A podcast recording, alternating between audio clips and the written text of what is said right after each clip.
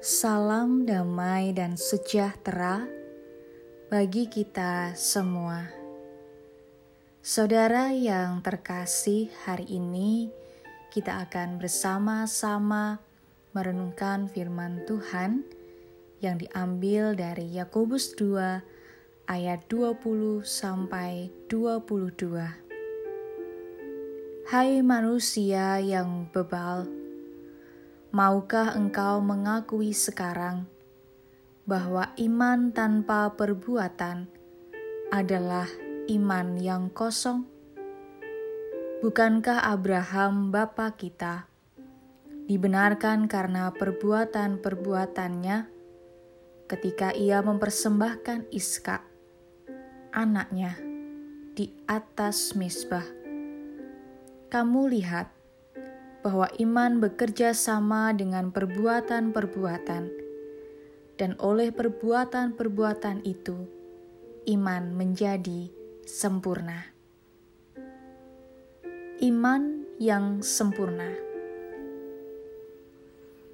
Kunci menjadi orang sukses adalah tidak hanya berhenti dengan teori, tetapi mengerjakannya dengan baik bukan banyak berbicara, tetapi aksi nyata atau yang sering kita sebut omdo atau omong doang.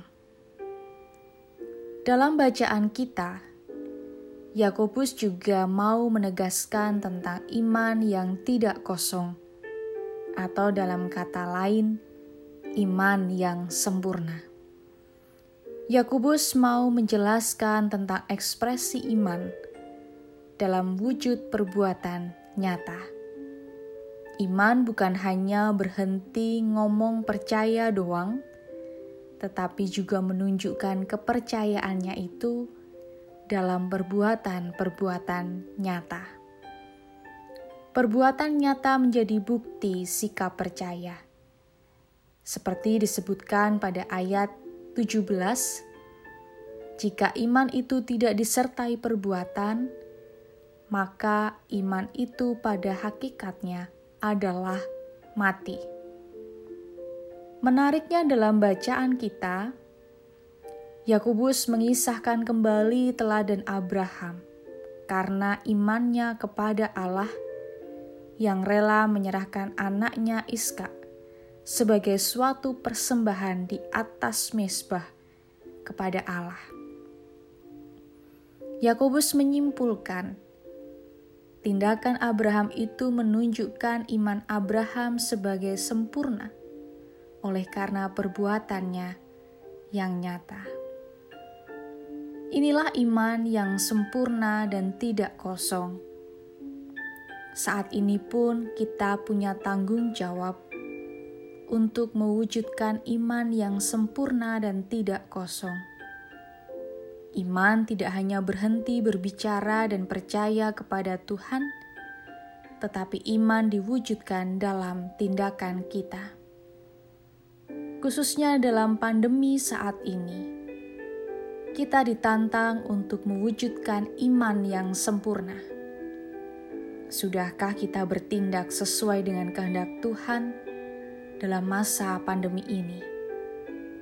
Tidak menjadi orang yang bebal, tetapi menjadi anak-anak Tuhan yang taat akan protokol kesehatan. Mau mengikuti aturan yang baik dan tidak seenaknya sendiri dalam menjalani hidup. Ataukah kita salah satu menjadi orang yang bebal? Mari saudara, Wujudkan iman yang tidak kosong, tapi wujudkan iman yang sempurna dengan menghadirkan keselamatan, damai sejahtera, dan berkat bagi sesama dengan tindakan nyata. Selamat memperjuangkan kehidupan beriman kita. Tuhan Yesus memberkati. Amin.